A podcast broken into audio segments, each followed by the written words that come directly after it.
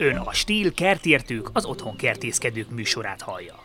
Állandó szakértőink Beck Marian, kertészmérnök, a Stíl kertápolási szakértője, és Bodor László, az András Stíl Kft. műszaki marketing menedzsere, a Stíl gépek szakértője. A műsor házigazdája Megmenemi Márk, kertészeti vlogger.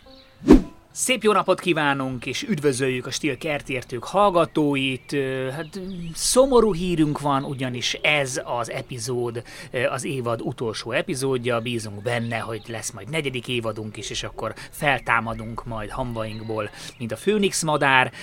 de most erre az évadra búcsúzunk. Viszont azt gondoltuk, hogy ebben az adásban összeszedjük azokat a hibákat, bakikat, amiket kertészeti fronton el lehet követni, mert hogy vannak szép számmal, és mi magunk is, legalábbis a magam nevében, ha beszélhetek, én, én szép számmal követtem el hibákat, amivel nincs is gond, mert szerintem abból lehet a legtöbbet tanulni, és szerencsére a kert az egy ilyen megbocsájtó közeg, és, és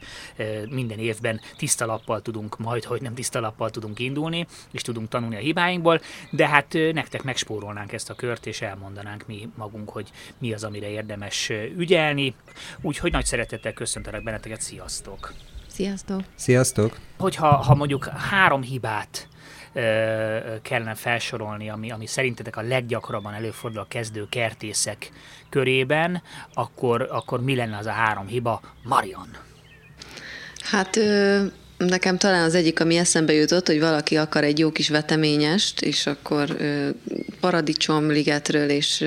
padlizsánokról és paprikákról álmodik, és megcsinálja a konyhakertet, de túl nagyra hagyja az ágyásokat, én azt gondolom, hogy másfél méternél nem szabad nagyobb ágyásokat készíteni, mert hogy akár magas ágyásról beszélünk, Mármint akár... szélességben, ugye? Miért mit mondtam? Hát csak nem, csak mondta, hogy másfél méternél nagyobbakat, de hogy szélességre ja, igen. gondolsz. Azt hittem, hogy már is egy baki. Nem, nem, nem, nem. amit, nem. amit sikerült elkövetnem. Tehát igen, egy, egy másfél méter széles ágyások szerintem az teljesen jó. Ha ennél nagyobbakat készítünk, akkor amit középre próbálunk meg elvetni, utána kigyomlálni, leszüretelni, nagyon sok problémánk lesz vele. Úgyhogy és talán ez, az egy... le kell így, ráadásul az kerül Kúszni. ember így let, igen, meg letámaszkodja, mert az is nagyon tömörödik ott a talaj, ha be kell lépni, le kell támaszkodni, tehát nyilván akkor jó, hogyha ezt úgy tudja az ember csinálni, nem, nem is lép oda rá, és nem tapossa, laposra azt a veteményest. Hát ez tényleg egy, egy jó adás lesz, hogyha még egy pár ilyen szóviccet el, elejtesz. Jó, megíg, megígérem, többet nem fogok. Nekem bejön. Monty, lelkes Monty Python rajongó vagyok, úgyhogy bejön. Rendben, oké, okay, akkor talán még egyet megengedek magamnak. Aztán Igen. az jutott még eszembe, hogy sokszor szokták tőlem kérdezni, hogy cserébe milyen fűszernövények, gyógynövények ültethetőek, vagy akár dísznövények, és gyakorlatilag minden olyan évelő beleültethető, ami nem nő több, több méter magasra, bár hogyha van egy jó nagy cserepünk, akkor ilyen növényeket is választhatunk, viszont itt például egy olyan bakit el lehet követni, hogy olyan cserébe ültetjük be, aminek nem lyukas az alja, és a víz benne marad, a pangóvizet az pedig szinte, szinte szerintem egyik növény sem kedveli, úgyhogy csak olyan cserepeket használjunk, aminek ki tud folyni az aljából a víz. Még egyébként pluszpont, hogyha teszünk egy, egy drén réteget, gyakorlatilag egy ilyen vízelvezető réteget a cserepeknek az aljába, ez lehet kavicsból, agyaggolyó, összetört cserepek, csigaház, a, aki amit talál otthon, és, és ami még pluszba jó szerintem, hogyha a cserép alá oda helyezünk egy alátétet, amiben bele tud folyni a felesleges víz, és harmadikat, hát talán az, hogyha valaki mondjuk azt gondolja, hogy na, egy cserepes növényt, amit, amit bent tart, egy szobanövényt, az kiültet tavasszal, mert hogy milyen jó lesz annak a növénynek, aztán ősszel meg kint felejti, és, és egyszer már csak azt látja, hogy a, a növény ott van haldokló állapotban, és, és nem tud már rajta segíteni, de egyébként ugyanígy akár fordítva is, hogyha találunk egy olyan dísznövényt, fűszer, gyógynövényt, amit, szívesen látnánk bent, akár a konyhában, akár a hálószobában. Mondjuk egy ilyen a levendula is, szokták tőlem kérdezni, hogy bent lehet tartani, hát nem igazán érzi jól magát azért a lakásban, mondjuk meg őszintén. Hát de szerintem az összes, ezek, az összes ilyen fűszernövényre igaz, ugye amit a szupermarketekben föl turbózva meg tudunk venni, tehát mondjuk ezek a gyönyörű szép bazsalikomok, és én, én is kapom rendszeresen ezt a kérdést, hogy hát mi, mi, miért hervadnak el, mit lehet csinálni, hogy, hogy, hogy szépek maradjanak, és mindig mondom, igazából semmit. Tehát az egy, az egy tulajdonképpen egy, egy olyan növény, amit arra veszel meg, hogy, hogy mégis egy pár napig, esetleg két hétig egy friss pazsalikamod legyen, de ott a, a, a belső lakás körülmények között ezek a mediterrán klímát igénylő, napfény, imádó növények nem fognak nekünk szépen, szépen virágozni. Tehát ezt, ezt aláírom, ez így van, hogyha olyat vesz az ember, akkor az arra jó petrezselymet is szoktak itt cserepesen árulni, hogy azt tényleg akkor felhasználja és egy-két napon belül, vagy, vagy hogyha nem tudja, akkor, akkor gyakorlatilag ugye olyan ö, ö, fűszernövényeket, hogy csomagolva leszüretel, tehát nem igazán lehet kapni, cserébe lehet ezeket megkapni, de úgy kell kezelni, mint hogyha ez, ez direkt a felhasználásra lenne ott. Laci, mert meg volt, ha jól számoltam, meg volt a három. Laci, neked van-e három a tarsajodba? Hát nekem szerintem rengeteg van, csak hogy most melyiket érdemes mondani, vagy hogy jut eszembe, mert ez, amiközben az ember elköveti, akkor mérgelődik rajta, aztán utána sokszor elfelejti, csak mikor megemlítik, vagy valahogy rákerül a szó, akkor jut eszébe. Hát amin ö, kert ö, karbantartásnál, vagy kerttervezésnél, ugye, ami nekem egyik a veszőparipám, és szoktam rajta lovagolni, ezek az ültetési távolságok, és hát ö, említette teljesen jól, hogy a kert az megbocsájtó, és minden évben újra lehet kezdeni, de mondjuk egy, egy fa, fánál, tehát egy hosszabb távra tervezett növénynél, amit akár évtizedekig szeretnél nézegetni, nagyon körültekintőnek kell lenni. Tehát én itt gondolok a, annak a növénynek, a, amikor megvettük, mekkora egy facsemete, illetve mekkora lesz, olyan szinten érdemes körbejárni, én nem azt mondom, hogy komplet közműveszítési térképet is kell hozzá kérni, hogy hol mennek a földbe esetleg a esőcsatorna csövek, de még az is akár érdekes lehet, mert már hallottunk olyat, hogy úgy benőtte a gyökér, hogy összeroppantotta a földbe az esőcsatorna csövet, és ö, azt is cserélni kellett, illetve hát a növénynek a gyökerét elég csúnyán meg kellett a bajgatni de ezt nagyon meg kell fontolni, mit hová ültetünk, és nem csak oldalirányban, tehát érdemes körbenézni, hogy hová fog lógni az ága, mekkora felnőtt korában az növény mennyire nő meg, de akár még az is probléma lehet, hogy egy villanyvezeték, vagy mostanában azért elég sok kábel megy a házak fele, tehát akár internet, optikai szál, villany, telefon, stb., hogy ezek is egyelőre jó magasan vannak, 5-6 méter magasságban, de hogyha egy fa elindul, azért ezt hamar, hamar eléri, és mondjuk amíg egy gyümölcsfát esetleg korábban lehet tartani, hiszen annak a magasságából lehet vágni, azért egy fenyőfánál, vagy akár egy páfrányfenyőnél, ahol az ember nem tudja elvágni félbe, hiszen akkor az egész fal kiszárad és, és meghal, ott azért oda kell figyelni annak, hogyha ez tényleg elindul, és magas lesz, és hát egy fenyő az akár 6-8 méter is ö, könnyedén tud lenni, nem beszélve mondjuk egy fekete fenyőről, ami közel 20, ö, oda kell nagyon ele figyelni. Hát ezt aláírom, mert olyan sok, bocsánat, hogy szabadba vágtam, csak olyan sok helyen látni, hogy a, a vezetékek körül kivágják a, a fáknak a lombkoronájának a közepét, és lesznek ilyen Y alakú fák, nagyon, nagyon nem szép látvány. Egyébként erre például a gömb túlja, gömb túlja de hogy is miket beszélek, tényleg egy ilyen bakisadás, tehát a, a gömbplatánok, gömbhársak szerintem ezek nagyon jó megoldás jelentenek, hiszen azok ö, egy szép lombkoronát növesztenek, árnyékot is adnak, a, ha mondjuk autóval oda akarunk állni, vagy az utcafronton,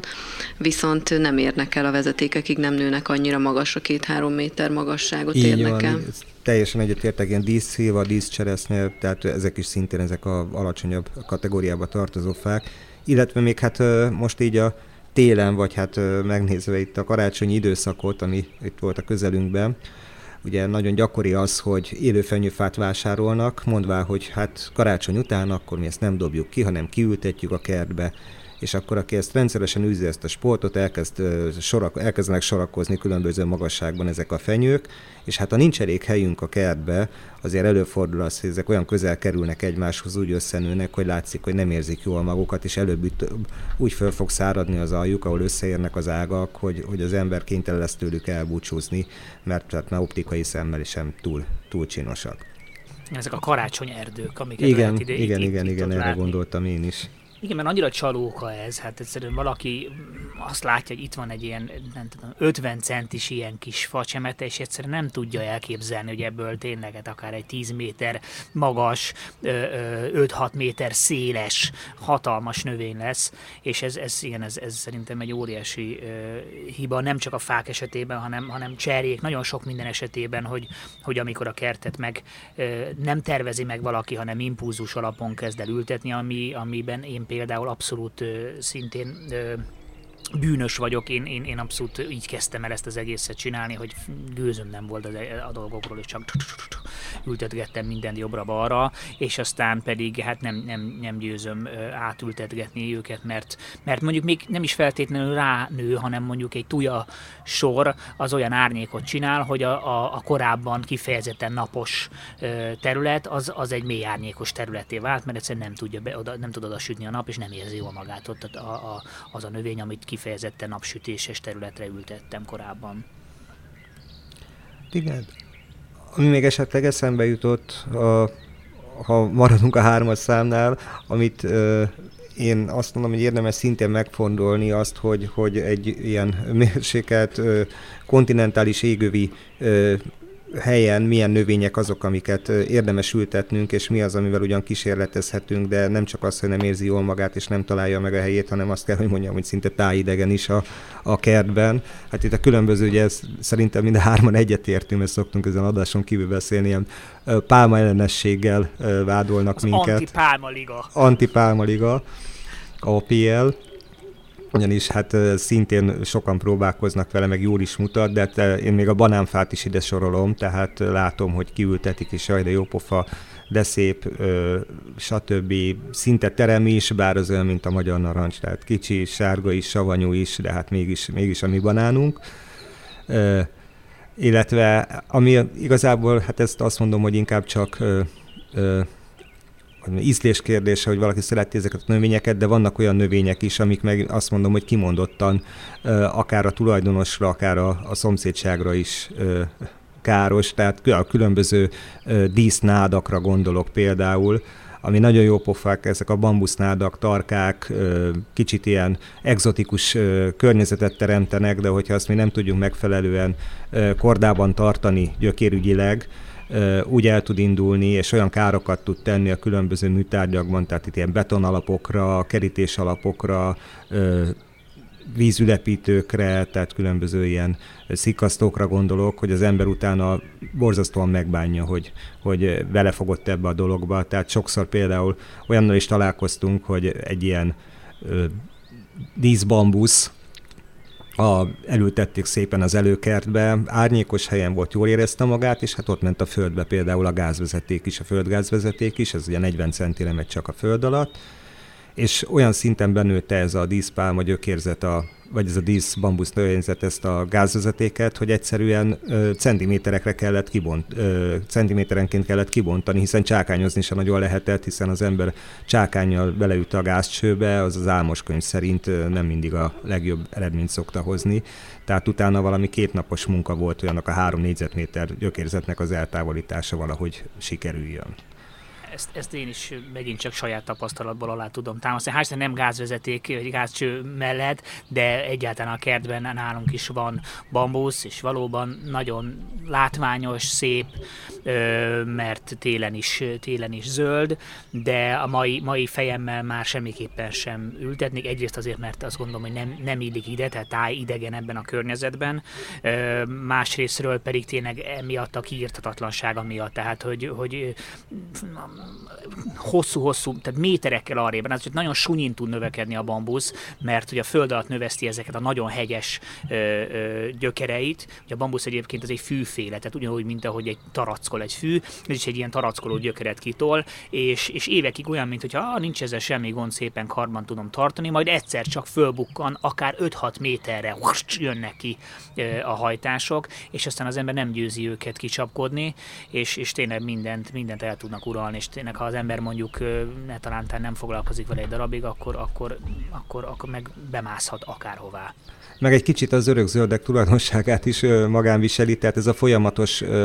hullatás, lombhullatás, vagy nem is tudom, hogy nevezem bambusz esetében, hogy az év egész időszakában ezek a száraz, ahogy növekszik folyamatosan ezek a száraz növényi részek, amik eléggé ö, ö, erősek, masszívak, tehát nem egy könnyen lebomló ö, dologról beszélünk, ez folyamatosan úgymond szemetel, tehát egy folyamatos takarítást igényel, hogyha az ember azt szeretné, hogy, hogy alatta vagy a környezetében ott a terület egészen normálisan nézzen ki. Igen, és pont ebből kifolyólag a komposztba se lehet a többi mellébe rakni, mert ahogy mondod, sokkal lassabban bomlik le. Tehát ezt ugyanúgy hasonlóan mondjuk a diólevélhez lehet komposztálni, de egy teljesen másik komposzt halomba kell rakni, mert valószínűleg kell neki legalább három év, ami komposztálódik. A menta jutott erről eszembe, hogy mikor valaki csinál egy fűszerkertet, és akkor nyilván belerakja a klasszikus növényeket, cidronfű, körömvirág,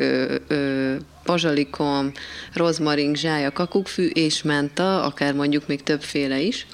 és, és egyszer csak azt veszi észre, hogy mindenhol menta van, két évre rá. Úgyhogy szintén ugyanígy sekélyen, nagyon alattomosan terjednek a mentának is a, a gyökerei, és van azért erre pár megoldás. Például az egyik az az, hogy, hogy cserepestül ülteti el az ember úgy, hogy a cserépnek az alját azt kivágja, mert hogy olyan mélyre már nem hatolnak el a, a gyökerei, vagy például az is egy megoldás, hogyha több, több mentát egy helyre ültetünk, és egy, egy keretet rakunk a növények köré, egy, egy fémkeretet például a, a földbe, illetve hogyha, hogyha geotextilt terítünk a beültetés után a növények köré, akkor, és erre mondjuk még egy mulcsréteg rákerül, akkor, akkor igazából ezzel meg tudjuk akadályozni azt, hogy, hogy ugyanígy a föld alatt sekélyen terjedő gyökérzetből egyszer csak minden, mindenhol a, a menta buk, bukkanjon elő. Én ezt kiegészíteném annyival, megint csak saját hibából, hogy, hogy szerintem akkor járunk a legjobban a mentával, ha a mentát egyértelműen egy egy külön ágyásba, vagy külön ládába ültetjük. Én ugyanezt megpróbáltam, szépen körbekerítettem a mentát, egy darabig működött is a dolog, aztán a menta szépen megnőtt, és hogy az ágai lehajlottak, ugye áthajoltak ezen a, ezen a fizikai gáton, ami körbe volt rakva, és ott szépen legyökereztek. És aztán azt vettem ezt, hogy hoppá, már kiszökött ebből Nem isztok a, elég menta teát, ebből igen, látszik. Igen, igen, igen, magára volt hagyva, és, és kiírthatatlan, tehát konkrétan, ha benne marad egy centi kicsi gyökér darabocska, abból már újra hajt a menta, ami nyilván tök jó, ha szeretjük a sok menta teát, de, de igen, veszélyes. Tehát én, én azt mondanám, hogy ha biztosra akar menni valaki, akkor ezt egy, egy, erre egy külön ládát szépen be lehet üzemelni, ott lehet a menta, és, és akkor nincsen vele gond. Igen, és akkor a menta nem ment a kertbe. Na, már csak, hogy én is csatlakozzak. Köszönjük, Laci, köszönöm, hogy nem csak én, nem csak én ö, sütöttem el ilyen poént. Igen, a fiam, fiamat külön ezzel szoktam szadizni, hogy ezeket az Igen, ezt is kár apa, volt. Apa, apa, apa poénokat. Ezt is kár volt érkének elnézést. Meg hát ha, ha már ezeknél a növényeknél tartunk, ne felejtkezzük meg a kedvencünkről, a borostyáról, ami szintén egy nagyon dekoratív növény, hogyha karba van tartva, és nagyon szép levelei vannak, stb., de aki azt, azt folyamatosan nem ápolja, akkor az, az, az igen, igen csúnya károkat tud tenni ezekkel a, a úgymond léggyökereivel vagy szárával, ami kapaszkodásra is, feszítésre is, szorításra is mindenre alkalmas a környezetében, és hát egy ilyen elhanyagolt borostyánkerítés, vagy, vagy egy ilyen elhanyagolt borostyános ö, fal épületbefuttatás után egy borzasztó nagy átalakításra van szükség, és egy nagyon kemény munkára, hogyha az ember ettől szeretne megszabadulni és ugyanez igaz mondjuk egy csomó másik ilyen, ilyen kúszómászoratot, a trombita folyondár Igen. például egy olyan, ami, amit sokan gyűlölnek, mert tényleg olyan szinten el tud szaporodni valahol, hogy, hogy valaki, nem is tudom, én posztoltam egy, egy képet, egy, egyébként egy tök jó felhasználása a trombita folyondárnak Spanyolországba csinál, futtatták föl, és egy ilyen, egy ilyen természetes alagutat képeztek belőle, és akkor mondtam, hogy na hát milyen jó megoldás az árnyékolásra, és volt, aki mondta, hogy ezt az undorító növényt, ezt, ezt hogy volt volt, merszem egyáltalán megmutatni, mert hogy ennyire komoly gyűlölet övezi ezt a növényt, és olyan szempontból megértem. Én azt gondolom, hogy egy növényt sem kell gyűlölni, hanem a megfelelő helyen és módon lehet őket használni, de hogy megvan tényleg ez a, ez a, ez a ö, probléma vele, hogy, hogy olyan szinten tud elterjedni. Nálam is van egy ö, ültetve a, a gyep mellett, és hogyha esetleg mondjuk ö, nem nyírok elég rendszeresen füvet, akkor, akkor elkezd ott is szépen följönni, tehát nagyon-nagyon, nagyon-nagyon el tudnak szaporodni, tehát ezekre, ezekre nagyon kell figyelni. Még a Lila Akácnak a másik pontosan. nagy barátja, ami szintén én talán 15 évet küzdöttem Lila Akáccal, mire sikerült teljesen megszabadulni tőle, tehát többszöri talajcsere, fűnyírás és egyéb ö, ö, gyökér ö, kiszedések után is még, még egy jó, jó tíz évig elszórakoztatott. Igen, és akkor mondjuk a, nem beszélve arról, amikor mondjuk valaki a megunt mondjuk ilyen, ilyen lila akác, mondjuk tövet, azt, azt kidobja, vagy, vagy, vagy kiülteti mondjuk az erdőbe, vagy valahová, és ott megmarad, és vannak a, a világon olyan helyek, láttam a múltkor elő egy videót, hogy gyönyörűen néz ki, de konkrétan megfojtotta az egész erdőt a lila akác, tehát egy nagy lila akác erdő lett, de az összes fát mindent megfojtott, mert a lila akác az konkrétan megfojtja azt, amire rámászik, mert hogy annyira erős, megfásodott lesz a szára, hogy összeroppant bármit, és egyébként ilyen esővíz ereszeket, meg ilyesmiket is teljesen tönkre tud ebből kifolyólag tenni, tehát nagyon, nagyon oda kell figyelni rá. És talán harmadik dolognak ö, megemlíteném, hogy szerintem mindenkinek átesett, hogyha esetleg veteményes kertben gondolkodik és fáradozik, az a, a, a palánták kiültetésének, vagy akár a, a magok elültetésének ö, időpontja, tehát ennek a, a belövése, hogy mikor is ültessünk ki valamit, mikor is tegyük el. Természetesen ez nagyban függ az időjárástól, hiszen vannak szerencsétlen esetek, hallottunk nem egyszer májusban is jégesőt, tehát ezek ellen nyilván nincs